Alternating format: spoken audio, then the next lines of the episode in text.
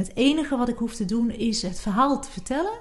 En iedereen die in die zaal zit, die kan het liëren aan de uitdaging die ze zelf hebben in hun eigen organisatie. Dus bijna iedere organisatie uh, ziet dat dat maatschappelijke moet vervlechten in zijn strategie of wil vervlechten ook. Fontis is niet alleen een hogeschool, maar ook een kennis- en onderzoekscentrum.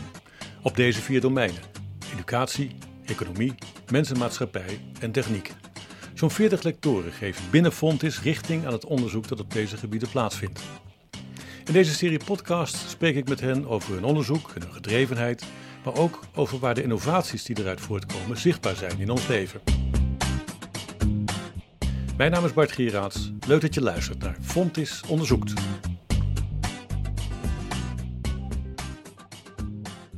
Mion van Halderen, welkom. Ja. In deze serie uh, Fontis Onderzoekt. Ja. Uh, je bent uh, lector Thought Leadership. Mhm. En Thought Leaders, dat zijn bedrijven die intens geloven in vernieuwing en verbetering. En die vaak met hun nieuwe zienswijze bestaande en ingesleten opvattingen in de economie, in de bedrijfsvoering, in de samenleving weten te kantelen. Nou, Mion. Mooi, mooi. Breek los, ja. ja. Thought leadership. nou, dat is wel. Um, ik heb het in één zin samengevat, maar ja. thought leadership, dat is natuurlijk veel meer. Wat, Ja. wat, uh, hoe hoe Ja. breed is dat eigenlijk? Ja, nou dat is het lastige. Het is eigenlijk ook een term voor iets wat we steeds meer hebben zien opkomen bij eh, organisaties. Nog, lang niet, eh, hè, misschien een groot deel van de organisaties. Maar wat je ziet is dat nu zeker met corona zie je dat heel erg. Dat we ontzettend behoefte hebben aan verandering en vernieuwing. Op het snijvlak van economie en de samenleving. En ehm, er wordt ook steeds meer naar organisaties gekeken. En ook organisatieleiders hoe zij daar een progressieve rol in nemen. En als je daar een progressieve rol in wil nemen, dan is het onze overtuiging, en dat zien we dus ook van organisaties die al afgelopen jaren heel veel thought leadership hebben laten zien. Dat Wat zij, zijn dat voor organisaties? Heb je daar een naam voor? eh, ja, hè, nou ja, voorbeelden van organisaties die. Kijk, thought leadership is sowieso altijd iets. Wij kunnen het nu meten, maar het is altijd in the eye of the beholder. Hè? Maar eh, eh, wat, wat, wat je vaak ziet, mensen vinden een, een organisatie of een persoon thought leading.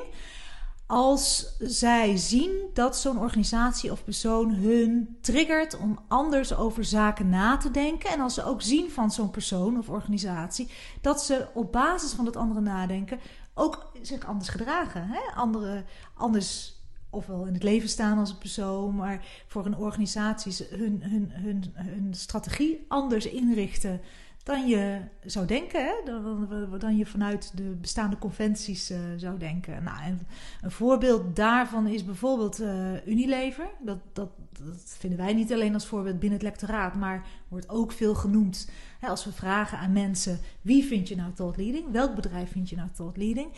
En ik vind Unilever altijd een mooi voorbeeld, omdat je daar echt ziet... Hè, Paul Polman heeft in, volgens mij was het eh, 2008... heeft hij heel duidelijk gezegd van... ehm, jongens, eh, duurzaamheid ehm, en eh, winstge- winstgevendheid... Hè, of, of gewoon... eh, eh, bedrijfseconomisch denken en duurzaam denken. Dat worden vaak toch nog steeds gezien als twee aparte categorieën. Zitten ook hè, aparte afdelingen, en et- et cetera. Twee hele andere manieren van denken. Maar wij geloven dat we die twee dingen kunnen vervlechten. Dus wat je dan doet, is eigenlijk twee eigenlijk oude patronen van denken. Hè. We van die passen niet bij elkaar.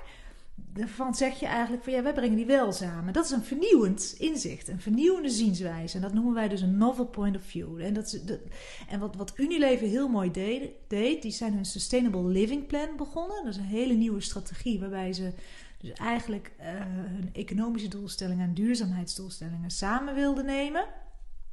Die zijn ze gestart vanuit dit novel point of view. Een vernieuwend inzicht van jongens, duurzaamheid en winstgevendheid dat hoeft misschien niet eens zo hè, tegenover elkaar te staan. Dat kunnen we misschien wel. Wij, wij, sterker nog, wij geloven dat we dat kunnen vervlechten. Wij geloven dat duurzaamheid onze winstgevendheid kan versterken.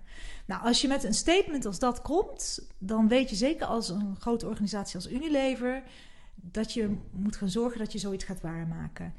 En, en daarin is dan de vraag, en dan begint eigenlijk je strategie en, en de reis er naartoe. Ga je dat waarmaken of ga je dat niet waarmaken? Dat is natuurlijk geen zwart-wit plaatje. Want als je nu aan mensen vraagt, dan zijn er mensen die zeggen: Ja, Unilever deed dit niet goed en deed dat niet goed. En uh, kijk naar hun winsten. Of uh, sommige dingen lopen toch niet goed. Anderen zeggen van duurzaamheid en winstgevendheid is nog steeds niet genoeg vervlochten daar. Uh, we weten allemaal als we naar de media kijken wat er, welke beslissingen Paul Polman de laatste twee, drie jaar heeft moeten maken. Ehm, waarvan je ook kan afvragen, waren dat de juiste beslissingen? Maar in dat alles hadden ze elke keer wel die vernieuwende zienswijze voor zich om die winstgevendheid en duurzaamheid verder te brengen. En daarin waren ze dus echt wel tot leading. Want ze hebben daar heel veel mensen in meegenomen van ja, dit is een andere benadering. En, en jullie maken dat eigenlijk waar. Jullie zijn eigenlijk pioniers in een nieuwe soort strategie, in je eigen strategie. Nou, je, ja, je, je zegt al, die naam komt een aantal keren voor, uh, Paul Polman. Ja. Ehm, het is ook een beetje uh, aan zijn figuur uh, gaan kleven, hè, die ja. verandering. Ja. Is het niet veel meer een persoonlijke missie van iemand die een enorm charisma heeft, mensen meekrijgt? veel meer dan dat een bedrijf dat opeens oppakt? Of is het altijd één persoon die dat doet? Ja, nou die vraag die, die, die, wordt heel vaak gesteld. En natuurlijk is het zo dat, kijk, een organisatie bestaat uit mensen, bestaat uit personen. En uh, van uh, groot deel van tot leading organisaties zie je dus dat de leider daar een, uh, ja, een, echt een drijvende rol in heeft. Maar aan de andere kant wordt ook altijd gezegd: als je zoiets wil bereiken, bereiken zul je hè, de, de, de top mee moeten hebben, zul je leiderschap mee moeten hebben. Um, dus ja, enigszins eh, is dat zo. Tegelijkertijd is het ook zo dat um, als je als alleen maar de leiders, en dat zie je natuurlijk ook een beetje bij Unilever wat er gebeurd is, alleen maar als de leiders dat drijven, dan faalt jouw tot leadership strategie op, op veel fronten ook, omdat je dus je medewerkers niet meekrijgt. En dat is eigenlijk een stukje ook wat je ziet wat wij binnen het uh, lectoraat en binnen de opleiding proberen te doen. Onze studenten proberen we eigenlijk uh, in zeg maar de, uh, de projecten en dergelijke die ze doen over transformaties of vernieuwing, proberen we ze eigenlijk ook te vormen om na te denken over wat is het type vernieuwingsrol wat jij meeneemt in een organisatie. Um, ik, en ik denk dat dat nog niet genoeg gebeurt in organisaties. Dus... Ook gekoppeld aan de persoon van, uh, van de ja. student. Uh, ja. Wie ben jij en wat zou wie jij als jij? persoon mee kunnen nemen in een veranderingsproces van een bedrijf waar je ooit terecht komt? Ja, en daar helpen we de studenten bij. Want hè, als je een jonge student eh, van rond de 20 vraagt: wie ben jij en wat kom jij brengen in de vernieuwing van een organisatie, dat is een hele moeilijke vraag. Maar het is wel onze rol nu al om ze daarin mee te nemen. Zeker nu dat je ziet dat de hele wereld om verandering en vernieuwing op heel veel vlakken vraagt. En dat, daar heb je allerlei uh, hele fijne modellen voor om ze bij te helpen. Dus een van de dingen die mijn onderzoekers gebruiken is het werk van Kelly. Ik ben even zijn voornaam kwijt.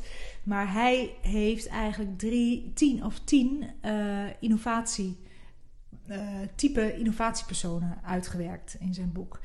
Dus dat brengt je eigenlijk tien vernieuwingsmodellen. Waarvan je kan kijken, hé, hey, welke past bij mij? Hè? Dus bijvoorbeeld, hij spreekt over de antropoloog. Dat zijn de type mensen in een organisatie die ervan houden om echt naar buiten te kijken. Te kijken wat er hè, buiten hun organisatie gebeurt. Om veel met mensen te praten. Hè? Wat eigenlijk een antropoloog doet, de diepte ingaan. En dat eigenlijk terug te brengen de organisatie in. Te zeggen, jongens, dit is wat ik zie. Moeten wij daar ook niet iets mee? Maar je hebt ook de bouwer. De bouwer is ook een belangrijk persoon in een vernieuwingstraject. Nou, en zo proberen we eigenlijk met studenten te kijken van... Nou, ja, uh, we nemen ze mee in, in, in thought leading organisaties. We laten ze zien wat zij doen. Um, en daar doen ze veel case studies op. En uh, daarin vragen we dus eigenlijk ook van... ja als je nou kijkt naar deze 10 phases of innovation, welke van die 10 passen bij jou? Of zijn dat er één? Voel jij je bij één heel senang?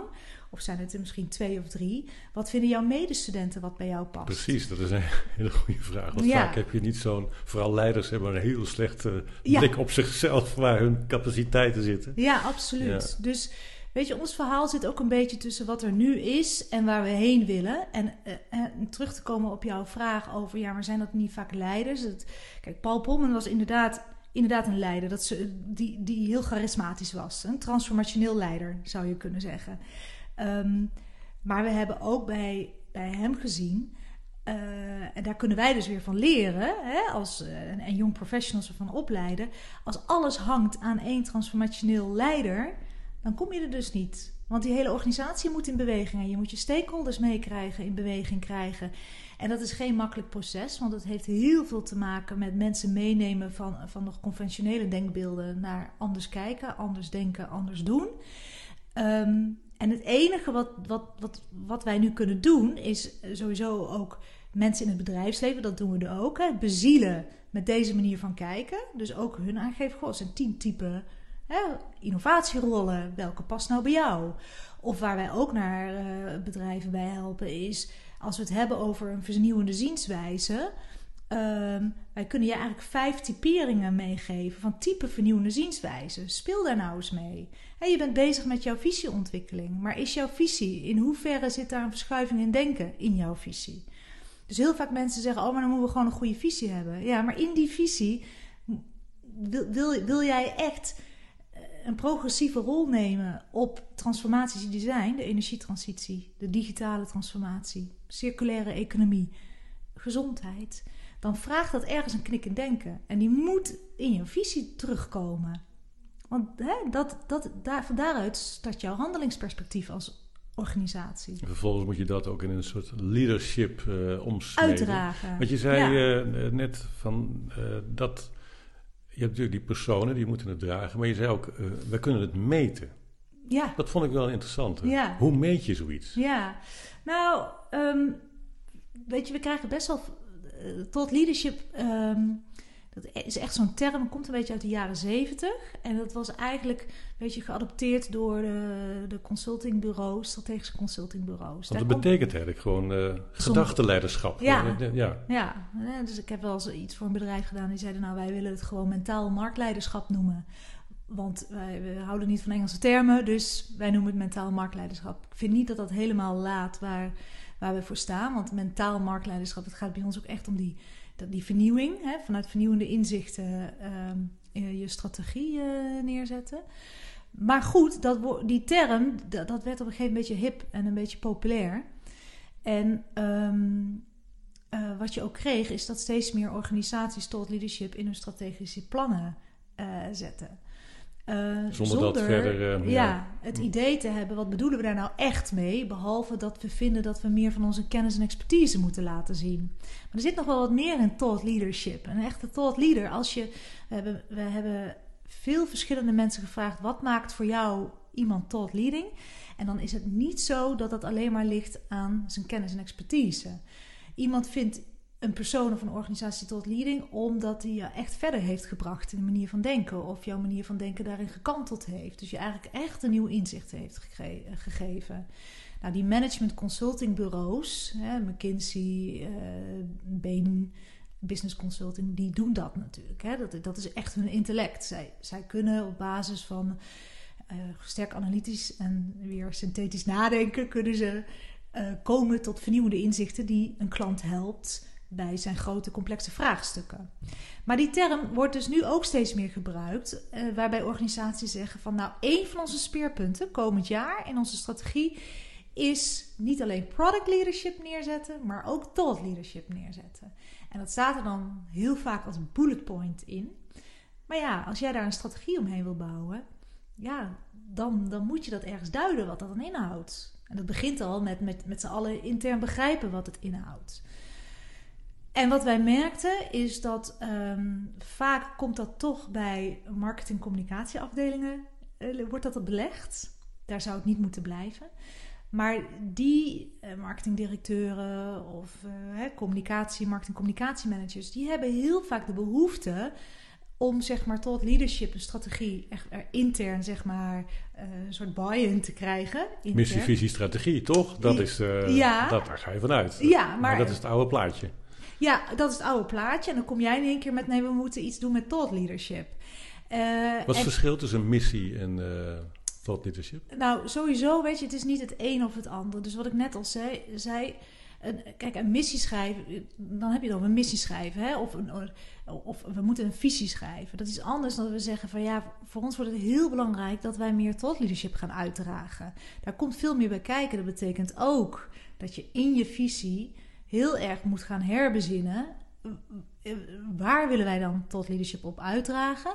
En stel een bedrijf wil op. Um, nou, een afvalverwerkingsbedrijf wil meer thought leadership op circulaire economie uitdragen. Dan betekent dat dat je moet starten met wat is onze visie dan op dat circulaire economie. En heel vaak zie je dat visies nog heel erg uh, zijn in de trant van, nou ja, um, dit is onze aspiratie voor de toekomst. En dat, dat is ook een visie natuurlijk. Maar in die visie, een visie wordt vaak onderbouwd in een verhaallijn. En in die verhaallijn, waar zit dan jouw verschuiving in denken? Wat, wat, wil jij, wat wil jij veranderen? Wat wil jij vernieuwen op dat vlak? Want dat is toch vaak wat er gezegd wordt. Wij willen meer thought leadership uitdragen. Wij willen dat thema verder brengen, omdat wij denken dat wij daar veel verstand van hebben. En um, het helpt dan uh, uh, managers om dat intern te verkopen, als ze in ieder geval kunnen laten zien wat het eh, de organisatie oplevert. Wat het bij andere organisaties heeft opgeleverd. Voorbeelden, ja. Unilever, Apple. Nou, dat ook. Dat zijn dus case studies, hè, waarmee je kan laten zien. Bij Unilever leverde dit op. Dit zijn de uitdagingen die ze hadden. En hè, leer daarvan, et cetera. Je kan beter de mislukkingen pakken. Daar leer je meer van dan, ja. denk ik misschien. Ja, die zijn, die zijn des te interessanter. En daarom kijken we ook graag naar dat soort type organisaties. Ehm, die vaak daarnaast ook ontzettende goede dingen hebben gedaan. Waar wij weer met z'n allen van moeten leren.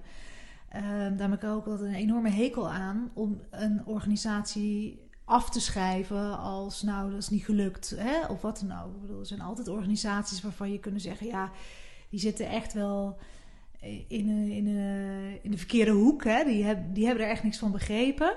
Die doen het vooral marketing purpose, hè? marketing doelstellingen. Maar er zijn ook wel echt organisaties die echt zeggen van ja, wij willen, wij willen echt iets bereiken. En we weten dat er daarbij veel hobbels over moeten, maar we gaan er wel voor. Nou, die zijn interessant om naar te kijken. Maar goed, dat meetinstrument is dus eigenlijk begonnen om uh, ja, gewoon organisaties te helpen uh, intern te laten zien: kijk, tot leadership houdt dit in. Dus wij kunnen eigenlijk. We, uh, um, uh, we hebben een meetinstrument ontwikkeld. waarmee je dus eigenlijk aan stakeholders kan vragen hoe tot leading vind jij ons als organisatie op die en die thema's. Wat zijn dan de, de, de bullet points? Bedrijf, waar, waar, waar, vink je op af? Ja, dit, dit, dit bedrijf zet mij aan tot vernieuwend denken op, uh, nou, op de gezondheid. Uh, dit bedrijf is een bron van kennis en expertise. Dit bedrijf heeft mij uh, uh, geholpen met vernieuwende inzichten op dit specifieke thema. Dat zijn type stellingen die wij vragen. En dan laat je ook wat tot leadership betekent. En die dus vragen stel je aan het management of aan de klant? Aan, aan, aan klanten, aan stakeholders. We hebben dit ooit voor een, bijvoorbeeld voor een tuintiltbedrijf gedaan, organisatie. En die wilde gewoon heel goed. Eh, dat is een organisatie die uh, um, voor telers uh, werkt.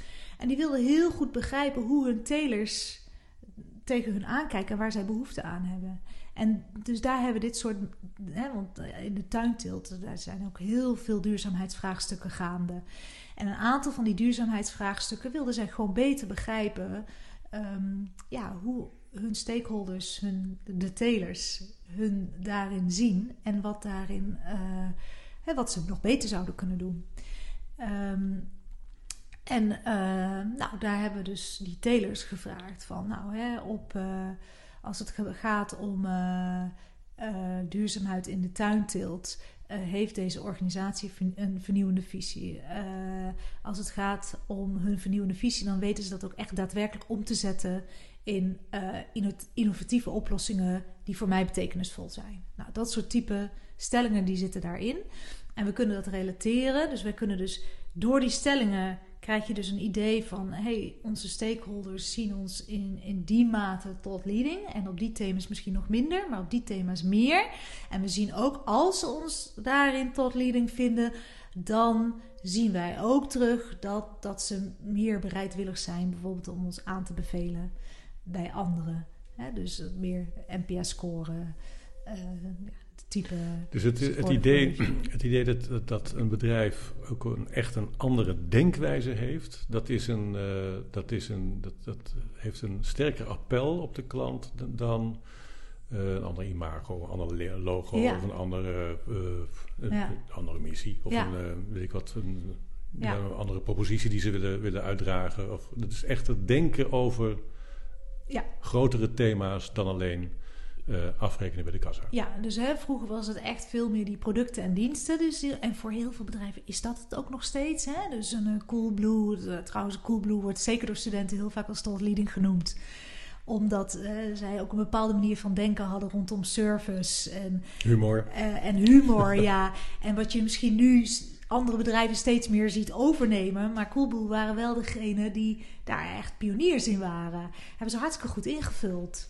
En dat maakt hun dus tot leading. Want ze hebben daarmee dus anderen geïnspireerd om datzelfde soort van model te hanteren. Snap je? Dus, dus die hele benadering is inmiddels ook overgenomen door andere bedrijven. Waarmee je eigenlijk een soort van kanteling krijgt in paradigma over hoe je met je klanten omgaat. Een bedrijf dat uh, thought leading is, hè? Ja. is dat ook een disruptor?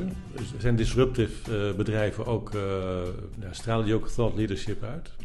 Ik denk dan aan Uber, ik denk aan Airbnb. En... Ja, nou in, in mijn optiek niet. En Waarom niet? Wel, nou, omdat um, disruptief zijn Um, kijk, een Airbnb en een Uber, die, hadden een, uh, die maakten gebruik van uh, technologieën hè, die heel snel gingen en wisten daar heel snel een nieuw, uh, nieuwe innovatie op te creëren, een nieuw businessmodel uh, te creëren. Um, dat is natuurlijk prachtig, maar voor mij is dat dus dat disruptieve innovatie. Dat is innovatie geweest en we zien ook de wat best wel bijeffecten van uh, Airbnb en Uber op dit moment. Hè. Er wordt veel ook over in het nieuws. Het, en sommige mensen zien het als een hyperkapitalisme. Um, uh, omdat ze over de ruggen van anderen eigenlijk een businessmodel neerzetten. En thought leadership, ja. Is, heel, is, is eigenlijk uh, moreel geladen. Het moet iets nou, goeds bijdragen aan de gemeenschap. Ja. En, en, en het interessante is dat over de laatste 10, 15 jaar is dat steeds meer de lading geworden van de term thought leadership. En kun je dat ook meten? Uh, ja, want wat wij dus. Wij, wij maken eigenlijk onderscheid in twee, in twee typen thought leadership. Dus het, het meer, meer misschien originele thought leadership, waar, waar die term ook vandaan kwam. Hè, van wij hebben veel intellect en expertise in huis op thema's die er voor onze klanten te doen. En wij willen ze daarin verder helpen. En wij noemen dat meer strategisch thought leadership. Je wil ze daarin verder helpen, zodat jij wordt gezien als de, de betrouwbare persoon op die thema's. En dat eigenlijk klanten denken: ik moet naar jou als organisatie komen, want jij snapt mijn thema's. En je wil niet een product verkopen, maar je wil ook een gedachte meegeven. Nou, je, je, wat je steeds meer ziet is dat, en dat is zeker in de B2B-wereld, bijvoorbeeld, een mooi voorbeeld is altijd IBM in, in de jaren midden 2000 IBM werd altijd gezien als eh, de organisatie van uh, de informatietechnologie, maar ook de HP's en, en, en dat soort dingen. Heel erg productgeoriënteerd. Maar wat zij zagen is in gesprekken met hun klanten, B2B-klanten, maar ook steeds meer business-to-government klanten, dat het helemaal hun niet gaat over die software die ze kunnen leveren of die IT-oplossing die ze kunnen geven, maar dat het ze ging over meer maatschappelijke kwesties waarvoor ze die IT nodig hebben. Dus hoe kunnen we zorgen dat de infrastructuur in onze stad beter verloopt? Daar hebben we echt een probleem op. En we krijgen dat niet verder voor elkaar. En IBM zijn echt systeemdenkers. Die, die konden daarin bijdragen vanuit systeemdenken. Hè? En ook eh, hun kennis over real-time monitoring en dat soort dingen. Dus je zag daar dat dat zij zich realiseerden van ja, weet je, wij kunnen uh, ons klant wel helpen op basis van die software en dergelijke. Maar waar ze echt behoefte hebben, is geholpen worden op dat soort vraagstukken die eigenlijk onze producten en diensten overstijgen. En, en toen werd dat thought leadership werd steeds meer zo ingevuld. En nou zie je, in, zeker in deze tijd, dus zo is het echt zo ontstaan, dat veel van die thema's waar organisaties mee zitten, waar klanten mee zitten, die zijn gelieerd aan onze samenleving. Dat, dat, dus steeds meer bedrijven kunnen zich bijna niet meer distancieren van de samenleving. Philips zit op uh, uh, digital healthcare. Nou, nu met corona hebben we gezien hoe ontzettend dat vervlochten is met issues in onze samenleving. Um, die hebben ook op een gegeven moment gezegd van die lampen en televisies, uh, daar willen we vanaf. We willen de gezondheid in. Precies. En dus ook zij hebben dat is, ook, dat is al het begin van een uh, thought leadership van we gaan een andere koers, we gaan die gezondheid ja. omarmen. Ja, omdat je je dan beseft van ja, we moeten een heel ander verhaal, een hele andere conversatie met onze stakeholders gaan hebben in feite. En dat is een beetje een strategische thought leadership. Van, willen wij verbinding houden met onze klanten, dan zullen we op een ander niveau met hun in gesprek moeten gaan.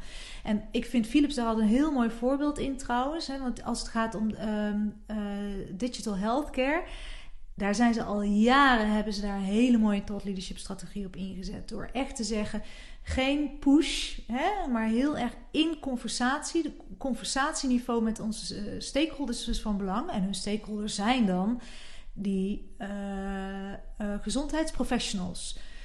dat zijn verpleegkundigen, waar zij ook mee spreken, maar ook hè, de directeuren van de ziekenhuizen, de mensen die de beslissingen moeten nemen over welke medische apparatuur er gekocht moet worden en dat soort dingen. En die, die gesprekken die, die gaan steeds meer over de vraagstukken die die ziekenhuizen hebben. Hoe gaan wij in de toekomst met die hele digitale kanteling die we gaan maken, hoe, gaat dat eruit zien? En, en dan ga je dus eigenlijk veel meer naar een thought leadership strategie. Dus, dus geen product meer verkopen, maar een oplossing geven. Eigenlijk ja, steeds meer. Afgeven, en en de oplossing bestaat daar ook niet, maar wel dus weer die vernieuwende inzichten kunnen geven, die, ver, die, waarmee je verder naar die oplossing komt. Er is niet één oplossing, want het zijn zulke complexe problemen dat er meerdere oplossingen samenkomen in feite. En die maakt die nieuwe realiteit, dat nieuwe paradigma waarop je wil werken, zeg maar. Dus dat is dat strategische thought leadership. Maar die andere vorm van thought leadership gaat eigenlijk een beetje verder. En die zit echt op het meer transformationeel thought leadership, noemen we dat. Daar zie je ook wel vaak genoemd uh, de, de, de, Tesla's of de Tony Chocolonis. Die, die, dat zijn echt bedrijven die zijn ontstaan met een transformatief doel. Die hebben gezegd, Tony Chocoloni zegt, wij willen die cacao-industrie veranderen. Ja, en dan moeten we maar bij onszelf beginnen. En dan moeten we zelf maar zo'n bedrijf opzetten om die cacao-industrie te veranderen. Uh, Tesla is ook echt hè, ontstaan vanuit, uh, inderdaad wel weer vanuit één hè, charismatische uh, leider die dat heeft allemaal aangezwengeld. Maar vanuit dat we willen dat, nou ja, in eerste instantie dat iedereen elektrisch rijdt. En nu gaan die doelen nog veel verder bij, bij Tesla.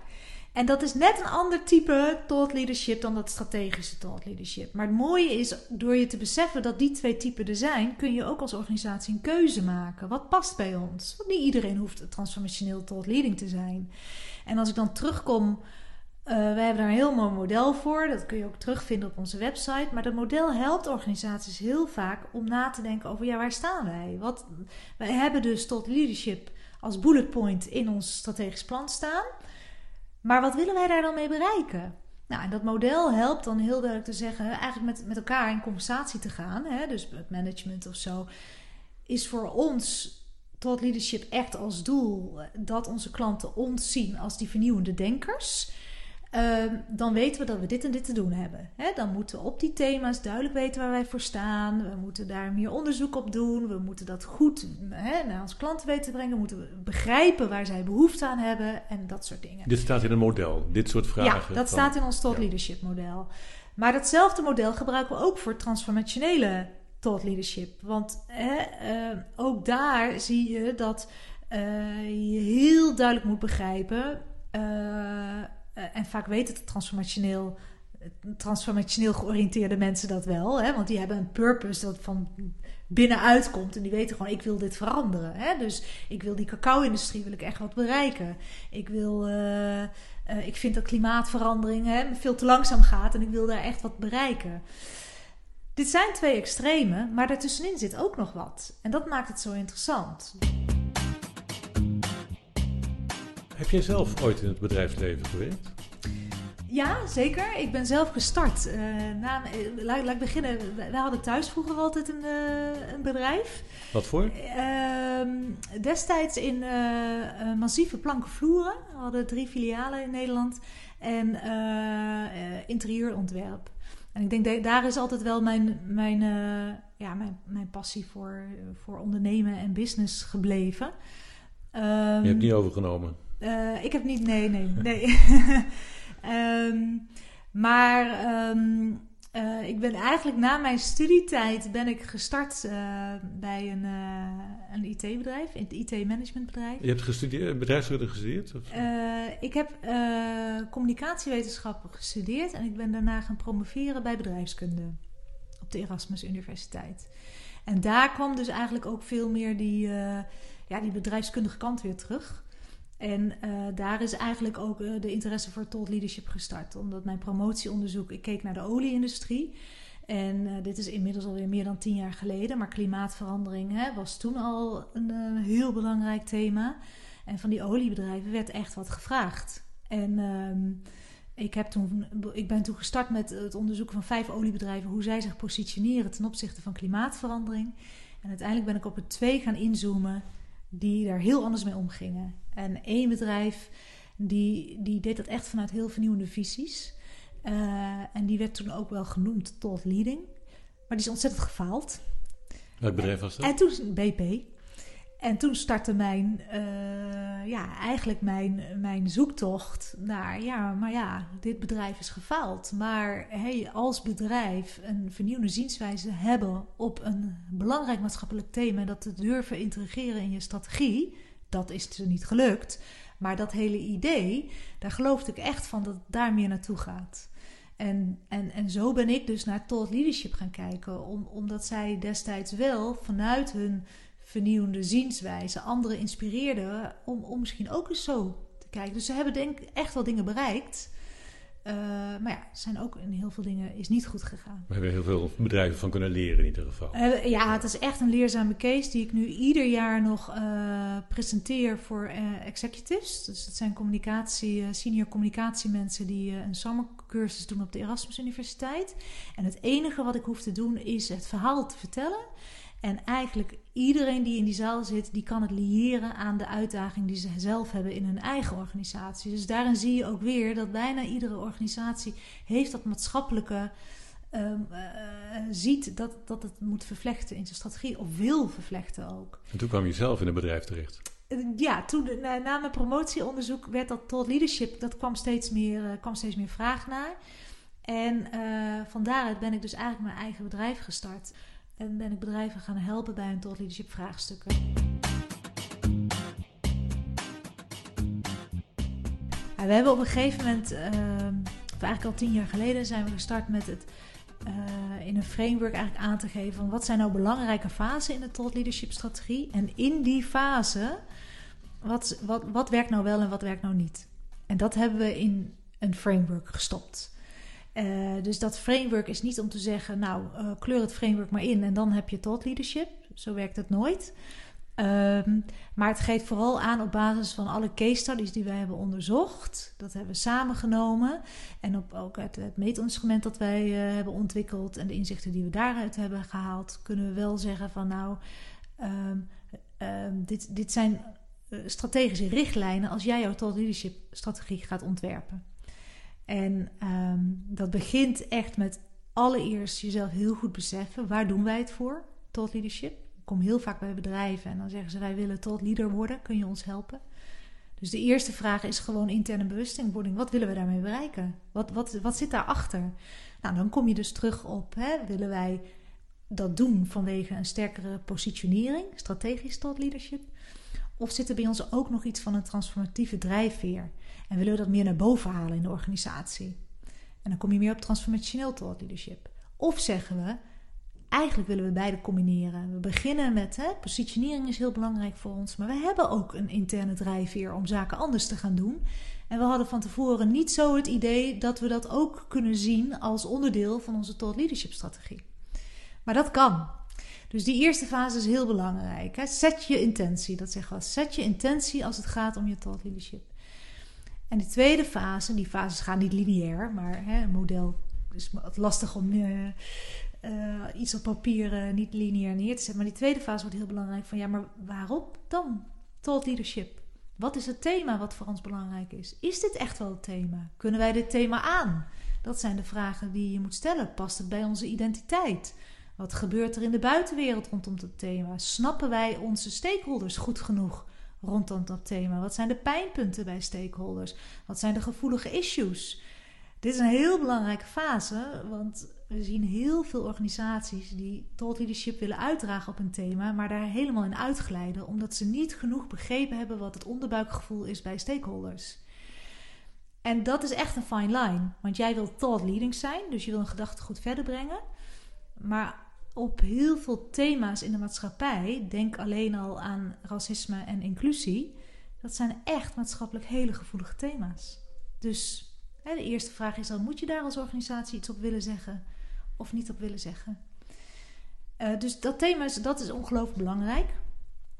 En uh, de derde fase is, nou ja, als dit ons thema is en we begrijpen het steeds beter en en uh, we hebben de antropologen, hè, de, de, ik had het even over Ten Phases of Innovation. En we hebben die vernieuwers die echt ook onderzocht hebben wat dat thema inhoudt en wat het voor ons kan betekenen. Wat is dan eigenlijk onze vernieuwende inzicht in dat thema? En dat hoeft echt niet een inzicht te zijn wat andere mensen nog niet zeggen. Maar um, dat moet passen bij jouw drijfveer en jouw identiteit als organisatie.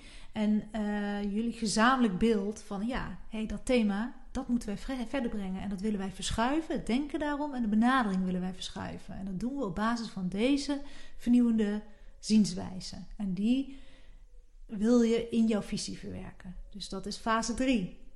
En dan kom je eigenlijk bij fase 4 en dat is echt ja, het opzetten van je strategie. Hè? Die, die, die vernieuwende visie vertalen naar concrete actie en resultaat. En uh, ja, dat, dat is echt een, een, uh, vaak een, een veranderstrategie ook. Er zit veel verandering in. Zeker als je die transformationele drijfveren hebt. En dan moet je echt diep de organisatie in, tot ja. aan de laatste lijntjes eigenlijk. Want ja. moet het dan gebeuren. Ja, er zit veel cultuurverandering. Uh, nadenken misschien over nieuwe businessmodellen zelfs. Uh, maar het gaat echt om wie willen wij zijn in relatie tot onze markt en onze samenleving. Maar goed, dus dat hè, het, uh, kunnen vertalen van je vernieuwende visie naar actie en resultaat. Dat is dan eigenlijk die vierde fase, waarbij we altijd zeggen: het gaat niet zozeer daar om het, het, willen laten zien van thought leadership. Daar, daar gaat het niet om, maar het gaat er eigenlijk om je hebt dat thema, je gelooft in dat thema, je hebt daar een vernieuwende zienswijze op en je wil je stakeholders betrekken daarin. Op de eerste plaats natuurlijk je klanten. Hè? En zeker als je B2B klanten hebt, je B2B klanten. En om ze daarbij te betrekken, zul je vertrouwen moeten creëren. Vertrouwen dat jij inderdaad verstand hebt van het thema. Dat noemen we eigenlijk cognitief vertrouwen. Maar ook affectief vertrouwen. Hè? Dus het vertrouwen dat jij echt uh, welwillend bent rondom dat thema in relatie tot jouw klanten en je stakeholders. Dat het geen marketingtrucje dat is. Dat het geen marketingtrucje is, precies. En dan eigenlijk die, die laatste fase, dat gaat om als jij je tot leadership intentie in het begin hebt gezet, dan moet je ook op een of andere manier kunnen meten, kunnen bijhouden of je die intentie aan het bereiken bent, zeg maar. Hè? Dus of je je doelen daarmee bereikt. Dus het is heel mooi om voor je tot leadership strategie te, te kijken van wat willen wij daar strategisch mee bereiken, maar wat willen wij ook daar maatschappelijk mee bereiken. En dat laat eigenlijk dat framework, uh, die neemt mensen daarmee doorheen. Dus het geeft een houvast in het ontwikkelen van je strategie. Ja. Mooi. Nou, Mion van Halderen, bedankt voor dit gesprek. Ja. En uh, succes. Ja. En op naar een betere wereld via de bedrijven. Laten we dat proberen via organisaties, ja. Precies. nou.